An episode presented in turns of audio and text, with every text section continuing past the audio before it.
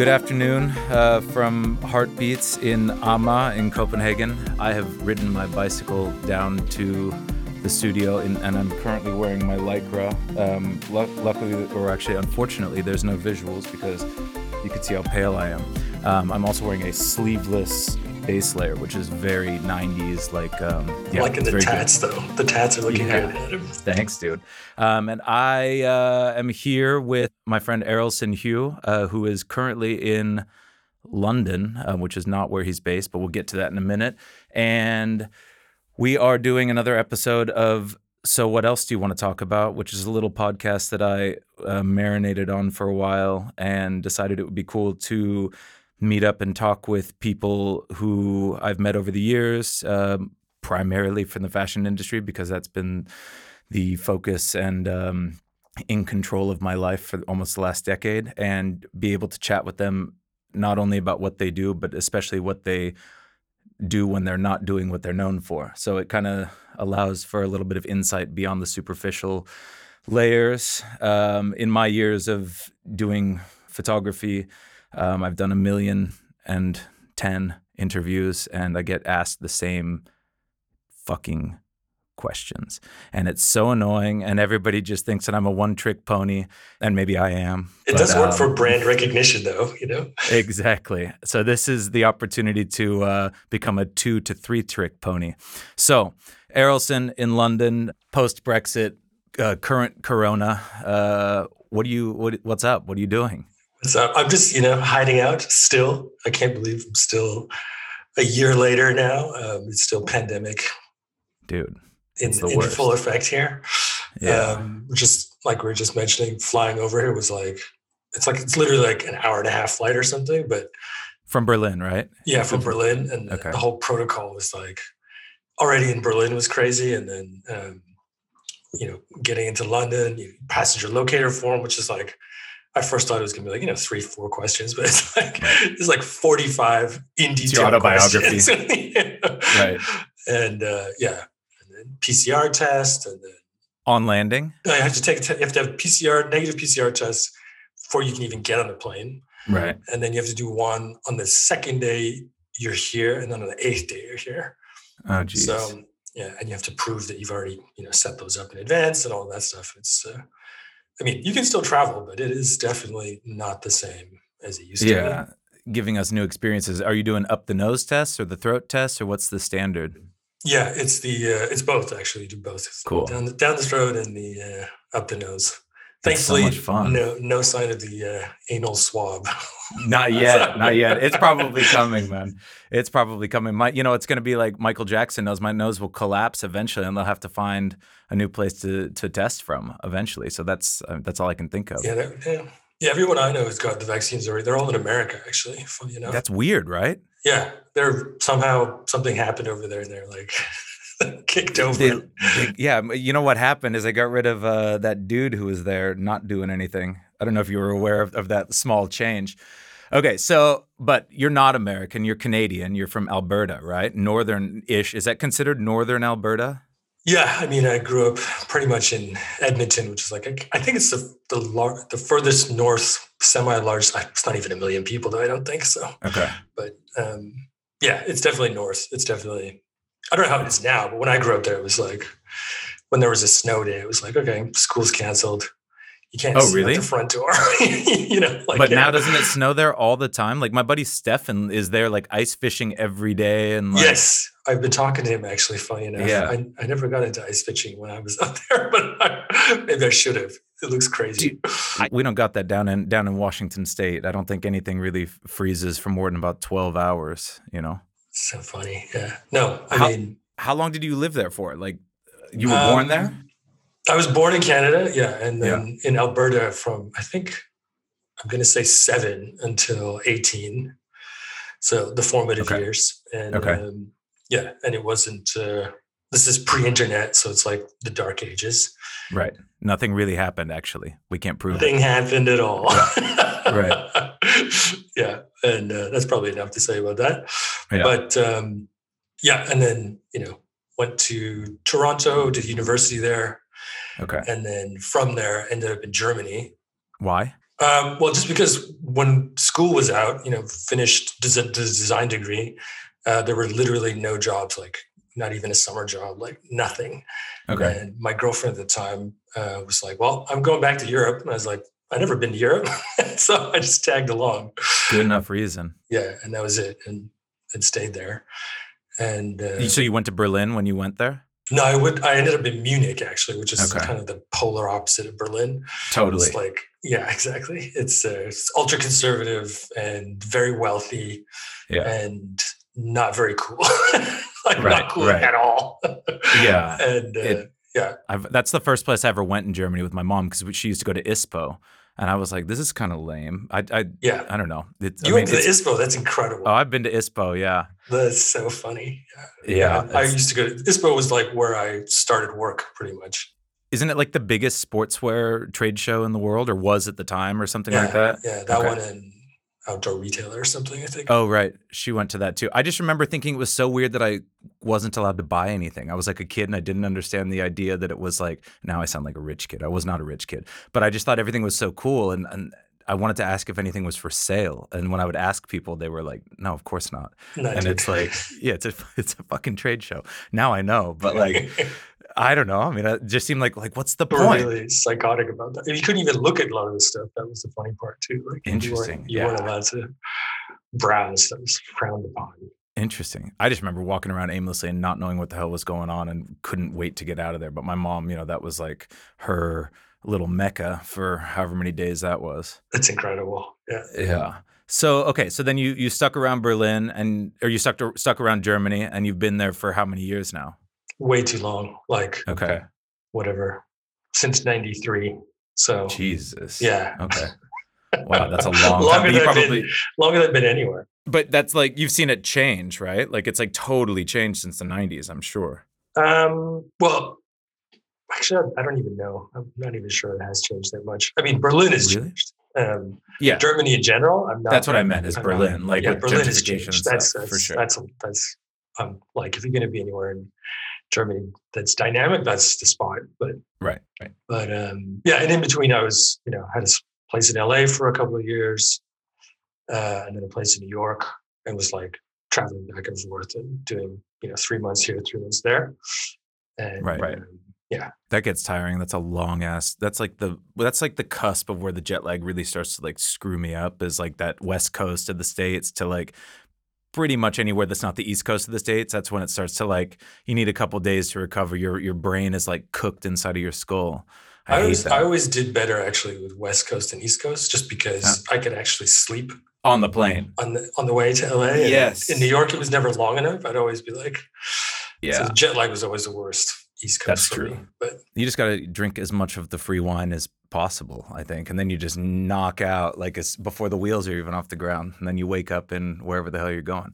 Okay, so you live in Berlin. For people who don't know, Errolson is a designer uh, amongst many other things, but Errolson is the designer and I, I mean what other role do you have? Uh, anyway the brand is called acronym and he has many other things in his in his uh, cv besides that but acronym is how i found out about errolson and i remember the first time that i discovered one of uh, errolson's jackets which was um, by acronym standards very late but it was at a store in brooklyn called idol and these guys showed me a j43k right like Cool. a black Nemen thing that's And- a good. and- that's a good one to look at first time. yeah. So they showed me this jacket and they're like, you need this. And I was wearing like Rick Owens and Paul Harnden and all this stuff at the time, Boris Bijan Saberi. And they're like, you need this. And I was like, I don't need that. Like I wore, all I did was wear like shell jackets as a kid because my mom used to be a designer at Helly Hansen for a long time. And the last thing in the world I wanted is something that looked like ski wear or anything like that. And I was like, I don't need that. And then eventually um, the guys at Idol were like really good salesmen and they convinced me that Paul Harnden was was dead and that I didn't need any more drop crotch uh, Rick Owens shorts. So I bought this jacket and didn't take it off. And then I basically, anytime they got any acronym in the store, I bought it because I was actually working at the time. And then now, like, if you open my closet, like probably 40% of my closet is uh, designed by this dude on the other end of the Zoom meeting here. Yeah, like my accountant must think I'm nuts. Like, what what are all these transactions with like a clothing? Why are jackets this much? Anyway, so I don't know. I mean, tell me more about that briefly? I don't, you know, people can Google you to find out all the details about that, but just Um, like, I, th- I still think it's so funny. Like the first time I met you, I think it was in Milan, actually, outside of. Oh, it was the Missoni show. That's what it was. Hmm. You you were like, I think I sort of surprised you. You weren't expecting to meet me there, and it was just like, Yeah. you were like, "Yo," you had this sort of like wanted to get this out, but somehow couldn't like formulate Yeah. like you know like my mom and design and Gore-Tex. It's like- Right. And I didn't obviously I didn't clue into it either until I like figured out who your mom was. right. And uh, uh, in addition to Helly Hansen having you know worked at Nike and actually designed like probably the only iconic uh, outerwear that they ever did, or even apparel, with the the Jordan Very early on, and the, yeah. and the the Windrunner, which is The Windrunner, yeah, incredibly iconic stuff there. for Um, sure. So super funny, and uh, that's kind of been the whole thing. Like the fact that you've been to ISPO, for example, is also like, Yeah. like a, a huge. Uh, I mean, I think my a trip. my my my first world travels were like going to Hong Kong so my mom could go to the factories in like in China just on you know mainland China and then going to Norway to go to the Helly Hansen offices and like then we'd like stop over in Paris to see the Louvre or whatever but like my my trips were like to you know trade shows and and where the factories were or the head you know headquarters or whatever. But oh, so bringing that all back around like then Errolson goes on from having this brand acronym to basically reigniting what in my opinion was when I was growing up, especially like the coolest aspect of Nike was the Nike ACG line, which kind of like was there and was super cool, and then just like basically effectively became nothing, and then was revamped with this like very small capsule capsule collection that you did in what that was like 2014, and he yeah you released like what one like two layer jacket and like or like there's like three, four, five pieces or something. yeah, it was quite- like each season was like five to seven pieces. It was extremely Right. tight. Yeah. and super nice. Yeah, I'm glad you glad you liked it. Yeah, I have I have really good early photos of you rocking that stuff. I was like, okay, this is actually somebody wearing this, like using it the way they're supposed to. Um, It's it's good outside shit. in the winter. It's good shit. Yeah, Yeah. well, I mean, yeah, I've, I still have that original uh, three and or two and one or three and one, whatever it's called, uh, jacket that you that you did from that first collection. It's it's the best. Okay, and then aside from that, Nike, blah blah blah. Now you're you've been based in Berlin for for fucking ever. And, like over 10 years now. Yeah. and h- how did it feel? Obviously, you're in London right now, but like, how does it feel to be like finally like kind of actually stuck there? Like, not like you haven't have you been traveling in the last year? Like knowing that there's no out. Yeah. Hardly travel. I mean, just talking now, like we were just saying, like traveling and um, working in different locations, like all of that's like, it's it's just an abstract concept now. Just Right. seems- and what I mean for us too, right? Like where it was like that was 90% of my life, I feel like. was, You know, there was always the next two trips on the agenda. Like you already knew, like, okay, I'm going here Right. now, but I'm already mentally prepping for the next, you know, locations. for but sure. um, no, I haven't been traveling at all. Um, which strangely, I haven't missed as much as I thought. I think now, after a year, it's coming around. We're like, okay, this is a little bit Groundhog Day. Everybody Right. could use some some new input, but um, I think I was kind of just so OD'd. I just OD'd on travel right before the pandemic hit. So Right. um, I enjoyed the, the time off uh, at the beginning or the, the downtime anyway. Right. Um, but now, like I was, I just came to London. I've been in Berlin almost four months, Okay. um, which is probably a record. Yeah, like, the- like a single longest stay in Berlin. For sure. and, um, and, you know, maybe if it was Berlin as it normally is, it would have been okay. But you know, Right. there's literally like I was just there's one restaurant that's that's on my block that like I just go and pick up food, and then my office and my apartment, and it's there's like 300 meters in between those two locations, and that's it. I didn't go anywhere else or see anybody or But isn't it kind of nice to like have a routine like that we never got to have, right? Yeah, like the routine part I, I like. I get why people stay one place and, and Right. how, how that can be productive. but it gives it gives you a little bit of insight to like the like town folks from like where we're from who like never leave and you're like man you got to travel you got to do that and you're like fuck like if i never like got on an airplane i probably you know this would probably be just fine it might be boring but like it's kind of also in contrast to like always traveling to be like fuck i can buy groceries and like have a fridge with like greens that I'll eat before they rot. Like I don't have, you know what I mean? Like like that's a very I, I also for me because I haven't been working like for me it's so nice to like open up my calendar. My to do list is like my, the groceries I need to get, and then like pick up this package and then the rest of the day is free and you know there's no flights there's no like there's no like email i no mean still, panic yeah yeah exactly you're not having to like i'm not having to look forward to the next thing i actually kind of get to like live in the moment a little bit which is probably the first time that i've been able to do that I'm a very like anxious person, so I'm always like looking forward to the next thing at, yeah. at all points in time. But um, yeah, it's been a nice little like reflection mode, I think, for sure. Yeah, it's definitely. I, I definitely feel like in some ways it's been a lot healthier than pre-pandemic. Absolutely. Yeah, and uh, I'm hoping you know. I think you know a balance between the two would be great. Um, for sure. But I mean, is your expectation that we're going to ever go back to where we were before? Like, do you think that do you think that Fashion Week will be like when we met the last times there? Like, or or do you think it's going to be some like Fashion Week light or like trade show light? I'm not really sure. You know, I think the the tendency will be for people to go back. You know, like right. um, I think there's a lot of vested interest in just in, in economic and corporate structure to like just go back to how it was.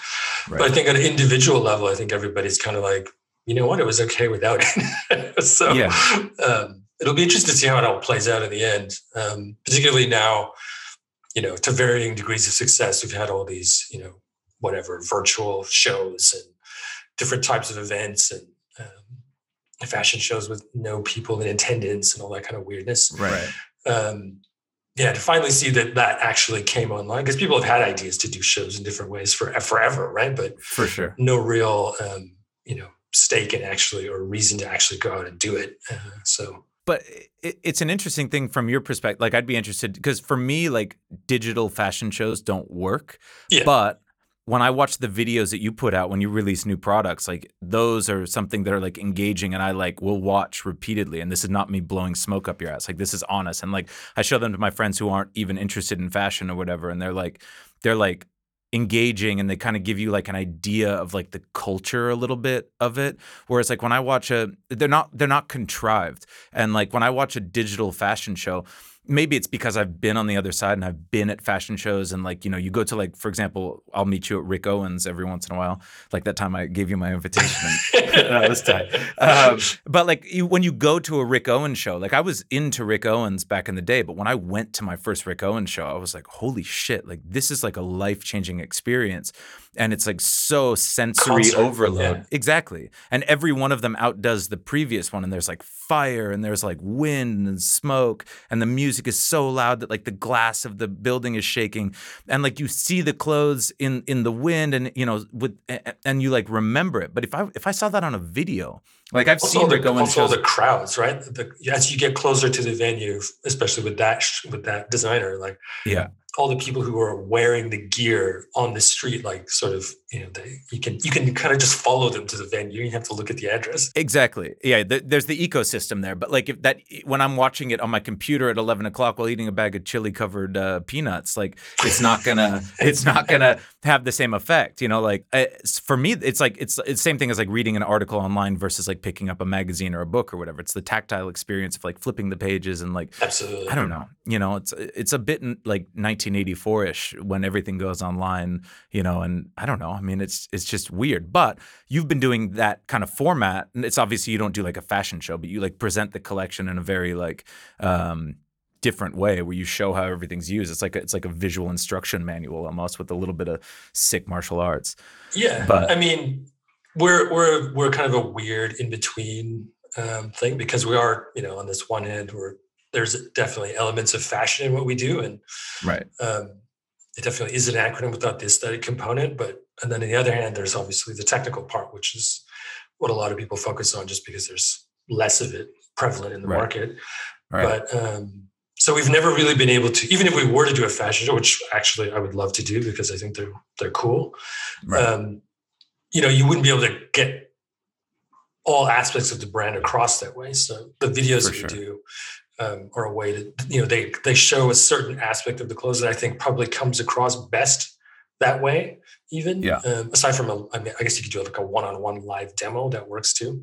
Right. Um, but you kind of have to see it that way to really understand what it does, or you discover it yourself while you're wearing it. But um, for sure i think but uh, for me like a lot of aspects of your clothes i would have never figured out like how like any of this things worked unless i saw those videos as like nerdy as that makes it sound. Like it really is, I true. mean, it is super nerdy. yeah but it's cool. Like you know I'd, I'd be like what's this weird snap for? And then i'm like you know i would never figure it out until i saw you like you know pass a knife out of the gravity pocket or whatever. Like yeah, it's it's pretty it's pretty cool to like and to also to see you wear it. Like in a lot of the situations you're wearing the clothes you're presenting the clothes.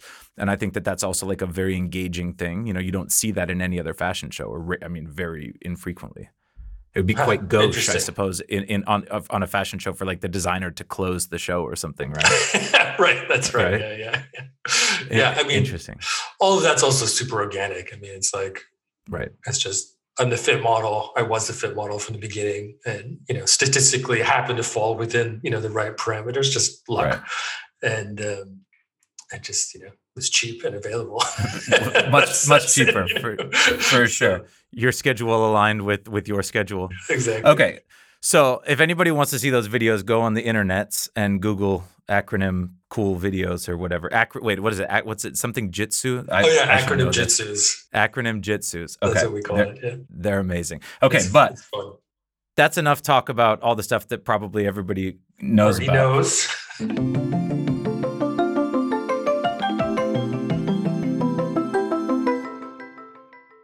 So, what else do you want to talk about? Um, one of the one of the reasons that um, I'm in London, other than the fact that I, you know, my girlfriend lives here, and I, I wouldn't have a girlfriend uh, if I stayed away much go. longer. Right. Um, you know, was actually, you know, she's actually, uh, she was mentioned, she's, you know, petite, uh, Right. Asian woman, Right. and uh, you know, she was talking to me. She's like, you know, I'm actually kind of freaked out right now. Like, I don't want to go outside. Um, uh, I've had a couple of experiences in the street. And it's just like really disturbing me. And um, so, you know, obviously, I've seen all the videos and the Stop Asian Hate, you know, movement that sort of started finally, thank God. yeah. But um, you know, the, one of the one of the reasons, other reasons I came to London was just because it's like I just couldn't have the idea of the thought that you know she'd be out here by herself and you know something would happen. So it was really like when you put these sort of abstract news headlines and something happens to you or people you know in person, obviously it changes Right. the the focus of it very clearly. Yeah. And um, that's definitely something that's been on my mind the last little while Right. and um, that all started already, you know, in the summer. Um, I think also part of the dynamic of the pandemic definitely played into that. 100%. All of these things coming to to a boil, you know, with, um, Black Lives Matter and the actually that guy's trial is on started yesterday, I think, right? Oh, really? Chauvin, yeah, the, the cop who Oh, um, killed George That'll be Floyd. interesting. Yeah, so it's it's it's crazy heavy stuff, but um, Yeah. yeah, it seems so weird to have to like say these kind of things, but yes, racism is bad. You know? racism is is very well i think st- ra- racism is horrible but it's also very interesting how like stereotypes become like you know like even like co- things that you would see on like a sitcom or whatever like s- of stereotypes of of any uh non-white group or even subsects of of white groups or whatever like how those stereotypes become like our common like preconception of what everyone from that racial or ethnic or whatever uh, sexual orientation or whatever background must be because that's what you've seen on television and not to like pass it off onto TV or whatever because obviously those things are ingrained so much deeper in the culture but like that's that's really an important point though, because that's what it is. It's like um, I saw that the other day. It was you know racism is not an event; it's a system. You know, and Right. that's really the truth. Because when you're inside that system, you you know you literally can't see the forest for the trees, right? And you don't know. And um, I think one of the f- more fascinating, at least from my personal experience now, that's been actually learning to understand and, and even just gain the vocabulary to discuss what's happening and, and what has happened. And, um, you know, myself being born in, in Canada to, um, you know, my parents who are both Chinese, but they're both from Jamaica. okay Um, and definitely, you know, in school or whatever, being like the only Asian kid together with my brother right um, or and having experienced all of this this type of you know discrimination and, and racism growing up, um, but not even being able to yeah absolutely all the time okay and okay. Uh, not even really being able to process it consciously because nobody else shared your experience. So there was nothing, no one to tell you like, hey, you know that's actually racist or that's wrong or you Right. should not let that make you know allow you to feel this way about yourself. It's that's got nothing to do with you. Um, it's been really interesting, even you know it's like 30, 40 years later, but now I'm just understanding like, oh, this is why I'm like that. this is why I avoid these types of situations or I, I think this way. And uh, for sure it's incredibly weird, but important and, and you know, and empowering actually to, to go through that and, and consciously address those things. Uh, yeah Yeah. I mean, I, I think having like the having it. I mean, obviously, like having it being brought into the spotlight or whatever, like would allow to.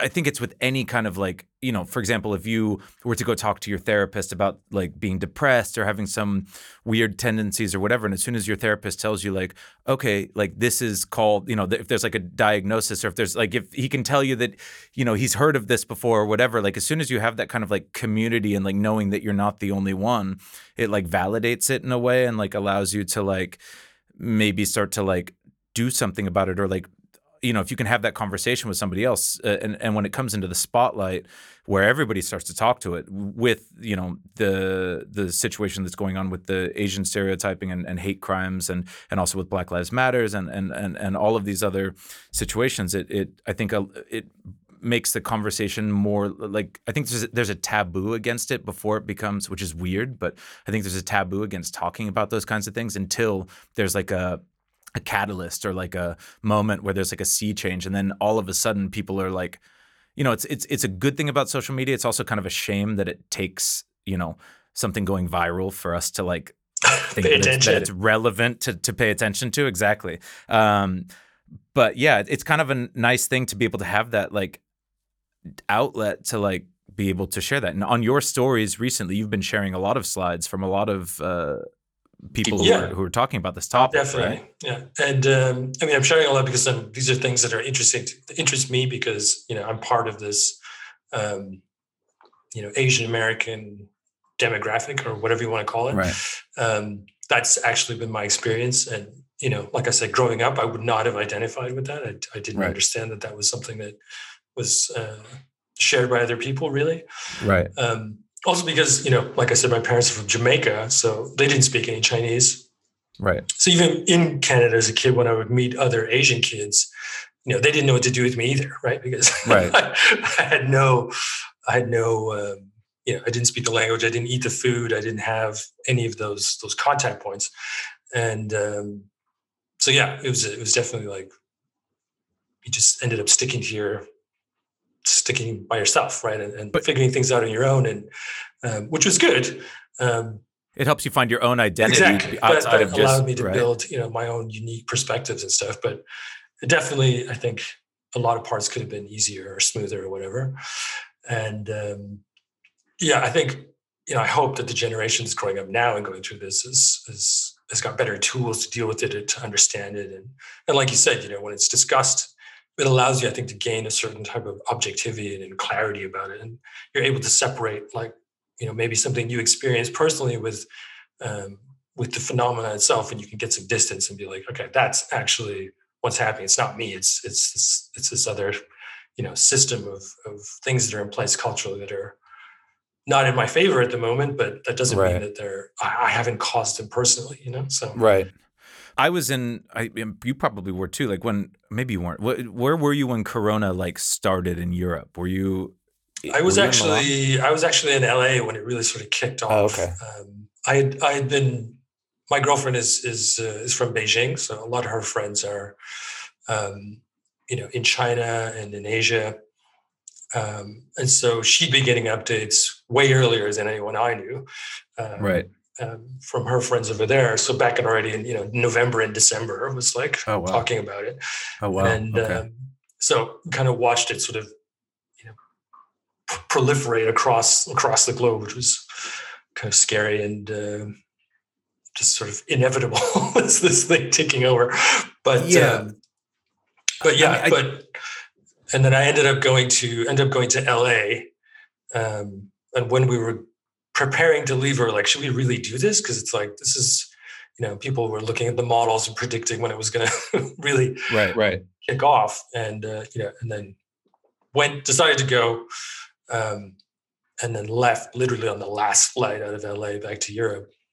Right, and then ended up getting stuck in London um, for like three months. So that's oh, I was geez. in London most of the time. Yeah so I just want to go back to the to the corona aspect of it because like when when the first announcement started, you know, talking about like Wuhan and and you know this like disease and you know you see these videos of these people collapsing on the street and whatever. My the place that my brain went first legitimately was like this is going to be really bad for the Asian community. Like it's already oh, like yeah especially like from the American or like the North American viewpoint, like with all the tensions with China and things like this, like it's very easy to like demonize the other, you know, like Absolutely. quotation marks. So like, so it's like America already doesn't really love China. So like, what a perfect like little powder keg to like Absolutely. point the finger and be, you know, and like talk about their secrecy and all of this stuff. I was like, this is going to be really bad for people in the real world on the street. Yeah. And I was in Milan at the time that it kind of like because remember it like started in northern Italy really,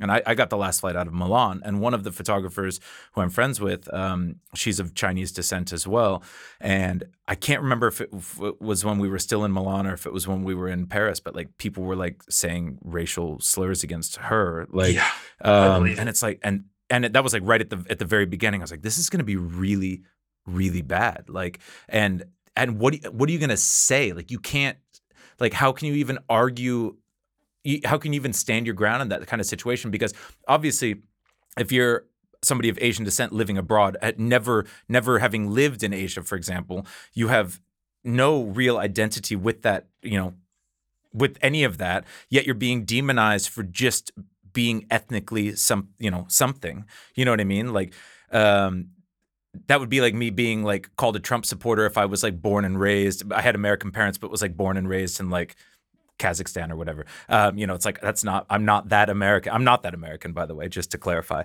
Um, but um, but you know what I mean. And it's like that's the thing. Like like taking China itself and the people in China out of the equation, like looking at all of the people of and the, the problem with uh, with the situation as well is people generalize all Asians as just being Asians in a lot of situations. Like that people don't differentiate. You know what I mean? Like people don't differentiate a Korean person from a Japanese person from Filipino to, you know, whatever. And so it kind of just like puts the target on this massive percentage of the population and you know what I mean? Like points a finger at people who don't have anything to do with it. Yep. And it was terrible. It was terrible on a whole number of levels. Um, but one of the things I remember about seeing the initial reports uh, coming out about the, the pandemic in Wuhan from the Western media was how a lot of the Western media uh, spun it that you know they were basically saying, "Look how inhumane they're being to their people by locking them down now."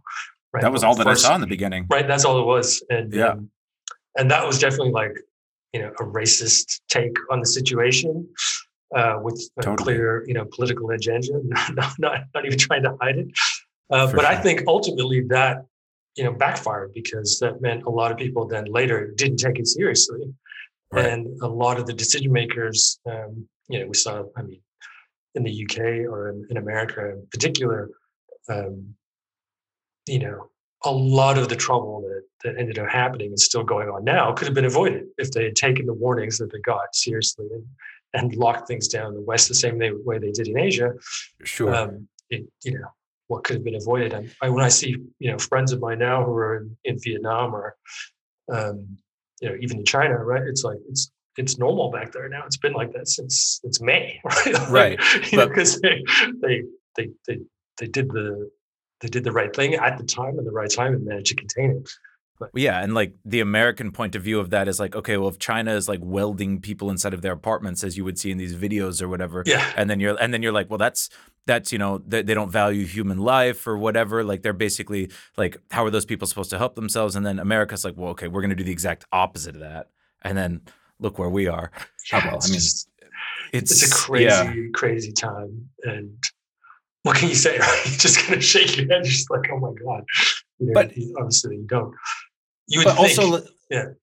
I mean like so how do we like bounce like talking specifically about corona and like the stereotypes that's created for all asians around the world and and, and even more so I, I suppose for asians living abroad in predominantly non-asian communities like how does that ever come back? Like how do we ever come back from that? Like obviously everybody's walking around with masks right now right? Like all ethnicities around the world like in copenhagen like everybody has masks doesn't matter where you're to from Yeah. right. But like so let's say because like obviously like culturally it's not it, prior to corona it would not be bizarre to see somebody of asian descent walking down the street wearing a mask whereas all the white people would not do that. If you were then let's say 5 years from now to see an asian person walking down the street with a mask on would you not would your brain not go to like oh maybe they have corona or whatever like I, i'm just trying to think like how do we like dissolve that that thing that's been planted in our brains or not not our brains but in the general uh, population's brains that that that this is a you know as as that idiot said like the china virus or anything like that like how, how does how do we how does that get changed or i mean I, obviously I time mean, but like Yeah, there's only there's only education. You can only it's it's it's a it's an uphill fight, and it's definitely an incremental Yeah. thing. Like I don't. It's the same with Black Lives Matter. It's like right you can only you can only talk about it. You can only explain it. You can only point it out and and um, and hope that the message arrives, right? And sometimes it doesn't. Some people just don't want to hear the message, right? ignorance is very powerful right It's Like- incredibly like, powerful, and that's and it's so much easier to be ignorant it's way than it is than it is to learn something new right yeah and Yeah. uh, you know i i can't really uh, you know obviously i don't have all the answers but Right. um, you know i just i just i still believe that there's a, a fundamental level of empathy that people feel for each other and um, and i hope that out of the dialogue you know which is the reason i i'm always highlighting all of these things um, or trying to um, is you know that that will lead to you know understanding and and you know beyond you know these racially based issues and the pandemic itself there's other bigger much more difficult issues just on the horizon right? With the, the effects of climate change that are coming down the pipe. Those are this is just like like the pandemic's just like climate change light you know? It's just Right, to right, warm up. right, like, right. Right. and uh, i'm not sure people are really they're not really you know raised to hear that but that's i, I think that's actually the truth right? Yeah, So, um, But- I really hope that you know dialogue is is you know leads to awareness, which leads to you know action in in, in the correct directions, and that uh, and I, I definitely believe it's true because you know it's like when you look at the social progress um, in history, a lot of the things we take for granted, or that you know our generation grew up with as as normal, um, you know it's it's less than a generation ago when you know you know things like like women couldn't vote you know like right Right. um it's just it's just wild just like what do you mean like how is that even possible Right. Right. like our kids would never understand that right our kids no our kids i mean i don't even understand it you know like and um so progress is possible change happens all the time like it or not you know people you know, and that's the reason why people fight against it you know those who vest vested interests and those people who are you know on the other side of the spectrum are trying to you know force an agenda that whatever reason but um because they know it's it's it's gonna come the change is gonna happen so uh, and if they didn't believe they, they wouldn't fight it so hard right? I also think like when it comes to stereotypes, like it's so easy to like like for people to just believe that stereotypes are real. But I always kind of like to bring up the analogy of like if you took like a soldier from one side of a war and a soldier from another side of the war, who obviously as they're fighting one another, they absolutely hate one another because they belong to the you know enemy side or whatever. But if you sat both of them down at to have a coffee and have a conversation, chances are they wouldn't want to kill one another anymore, right? Like, and and when you have it on a personal level, like if you met your first whatever other stereotype of people that uh, people are scared of, like if you met your first person from that demographic or whatever, chances are you would probably get along with them, but you just have these preconceived notions of what that person belonging to that group would be like because of media and and and stereotypes and whatever. The chances are you would probably find out that that person's a whole fucking lot more similar to you than they are different. They are from- different, from- absolutely. right and that's so weird like that you can travel all around the world and obviously like the world is becoming very flat now with, with social media but um that was not a flat earth reference by the way i just want to make sure everybody is aware that, that, I know that the world is is is is round um spherical pardon me not just round um uh but i think that like we have so much in common all across the globe. Yes, there are obviously cultural differences, especially like living abroad. I realize how different my upbringing was from people who were brought up in Denmark and and blah blah blah.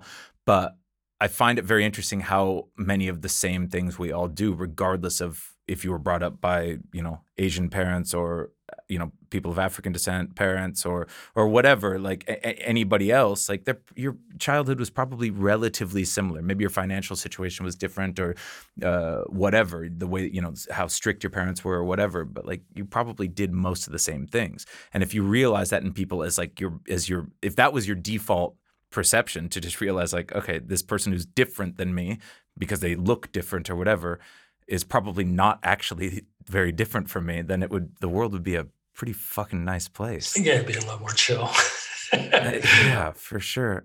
I i think it's i think it's just so like people are I, I think that all of this obviously comes from fear right? I'm you're just afraid of things that are different than you. Languages uh, currency whatever the metric system whatever it is like it- all that stuff can be super scary. The metric system terrifies me. I'm learning slowly. But you know as soon as as soon as you kind of just like open your mind to it and, and realize that it's not that scary if you just like maybe listen for a second. Like this is exactly what you were just saying. I'm just thinking of it from from my point of view as well. Yeah. but How long have you been living in uh, Copenhagen now, actually? I've I've lived here for four and a half years, but obviously, like for three of those, I was three three and a quarter of those, I was never here. But the last the last year, I've been here pretty much nonstop, and it's I have to say, like I have never felt luckier to like live somewhere in my life, like, especially during all this. yeah. it's so good. It's so good. Like, What is it like for you being like an American, like an expat American in Europe? Um, you know the first three yeah well i mean like the first three and in basically until november whatever date that was november 3rd or whatever when the election happened like obviously you know i wasn't very proud to be in i was very proud after joe biden was elected. Like i'm not i'm not like a patriot or anything like that but like i was much more proud to to be american. But i i sometimes have these realizations of the fact that i'm like that my childhood was different than the kids here you know that that the things that you know live, i mean living on the west coast of north america is nothing like growing up in europe it's the exact opposite like my youth i was just telling my friends the other day like obviously pre-internet like I would get off school and get on my mountain bike with my buddy Jonathan, and we'd ride down to the bottom of the hill and squish pennies on the train tracks. And they're like, "Squish pennies?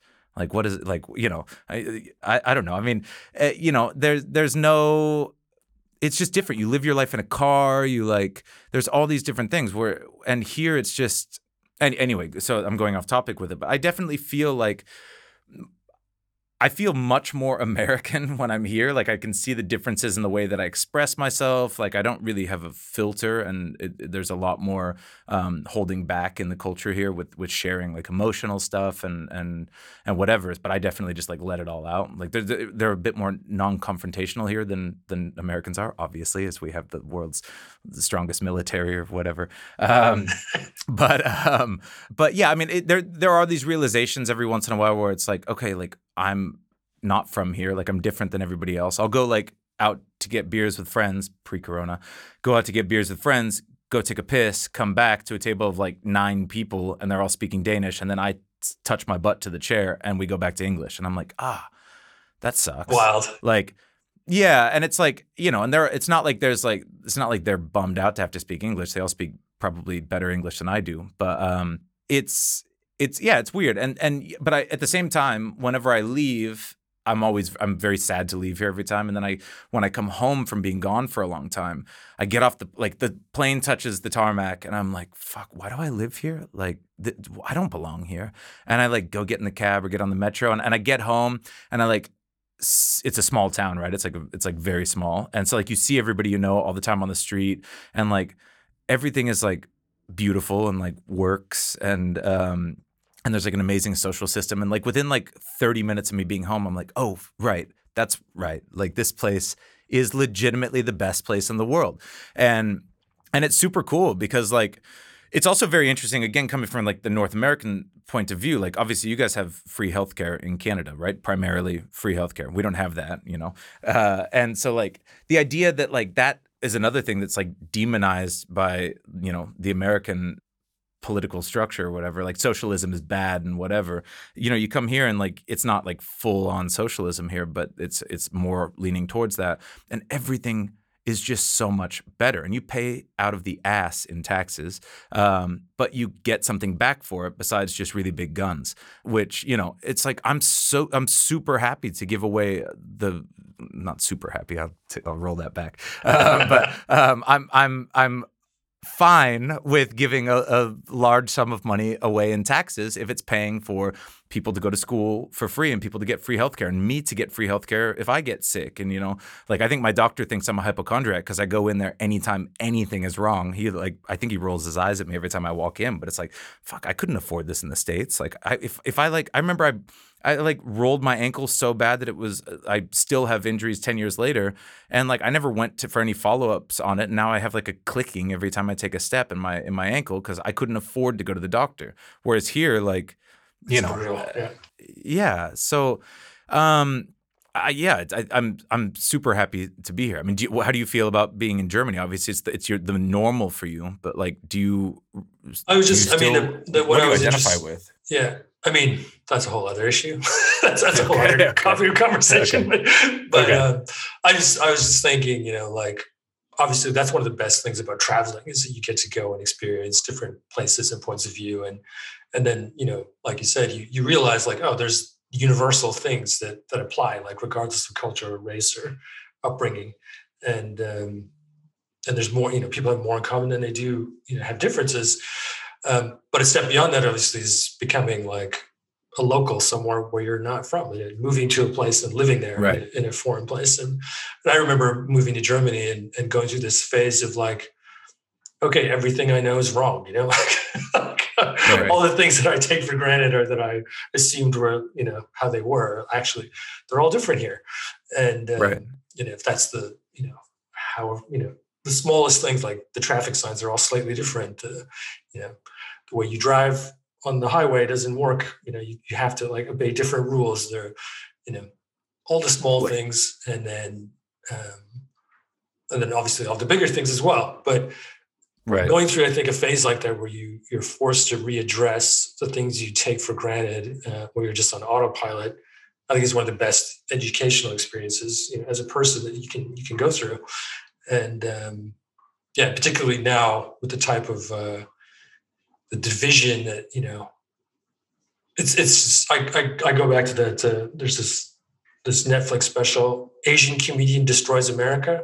Um, it's called okay. Ronny, Ronny Chieng. It's, it's, hysterical. You should watch it.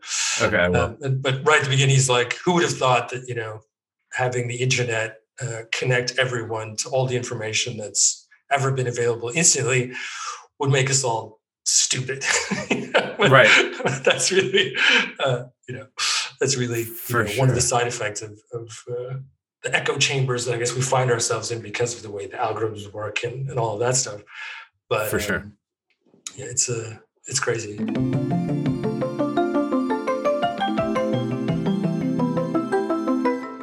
Okay, so basically uh, the goal of of what we talked about is, I mean, your your point of view is what? We need to enhance um, open mindedness or dialogue, or what would be your your if you had to choose like one trajectory or whatever for the the issue with Asian hate at this exact moment and going forward, especially coming out of Corona and what have you? Like, what would be your number one thing that you would say to would be your focus, like your thing that you would push the most? yeah, whatever? if I had to bring it down to one word, not that we have to choose, but yeah. yeah. But if I if I did bring it down to one word, it would definitely be empathy.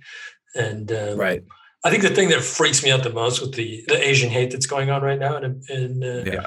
in the media and is the uh, the attacks on the elderly, right? Like I just can't. Right. How does how is that? It's just it just seems so inhuman to me. And uh, when I try to understand like what somebody would have to go to go through in their brains to rationalize, you know, an unprovoked attack on somebody who's like clearly, you know, over 70 in their later years, Can't protect themselves. fragile, can't protect themselves alone, already having, you know, probably enough issues just walking down the street. And Right. that's the person you're going to attack. Like, it's just so beyond, it's psychotic, right? Like, there's no, Right. there's no, um, I just don't understand. So, And and cowardly, right? Like it's like obviously an easy target and you're scared, so it's so ridiculous. Yeah, I mean, like I wish people would approach me like that on the street. You know, like, Yeah. like please, Different outcome. Like, um, Yeah. but that's not going to happen. You know, that's not how they operate. Some there's some you know Right. twisted, uh, you know, logic path that they go through to to permit themselves to do that. But um, but everybody, you know, has a some concept. Of, you know, a grandmother, or if you think about your own parents, or you know, other people, you like that's the last thing you would wish on them, right? I just understand how that can be possible to be like, oh, it's okay for me to do to them, you know. But if you would turn that around, the outrage would be the same, right? So Yeah. The golden rule doesn't apply to them and for some reason. it's just wild. It's crazy. Yeah. It's very it's very sad, but I mean you have to feel sad for those people who are committing those things because they're obviously so misinformed and so yeah, so so I mean they must just hate themselves so much more than they hate the people that they're attacking. But not that that makes it okay by any stretch of the imagination. I'm just there has to be some like it's just so sad like that people can go that far off of like the tr- like the the path of like normalcy to like where they would commit some kind of act like that it's just ridiculous i don't know It's wild. it blows my It's mind. just- it totally blows my mind. Yeah. It's, it's tragic. Definitely. yeah all right well look it's like 17 degrees out here that's me using the metric system by the way so i'm uh are you proud of me? Um, so I'm gonna put my cycling clothes on, and I'm gonna I'm gonna go ride my bike around with some Danish people and make them speak English to me for the next couple of Oh, hours. it's amazing. if that's cool. Anyway, well, thanks for meeting up with me on here. Enjoy your month in the UK. Say hi to your girl for me. I haven't seen her since whenever whenever that was at Fashion Week back in the old Yeah, hopefully times. we'll get back to that at some point soon and for sure. see the And world. stop again. stop dropping new dope jackets and stuff until I'm re-employed, please. Like you've just that that uh what is it J1A PL or whatever? What is that one? Yeah, maybe one was- GTPL. Yeah. Okay. Yeah, or yeah, just stash one of them in like a dark closet until I get a paycheck, please. Cool. All right. Cool. Noted. Okay, it's on the internet now, so it's uh it's got to be done. Cool. All right. Thanks, dude. I'll talk to you later. Take it easy, Adam. Good to see you. Thanks for listening, everybody. Thank you. Bye.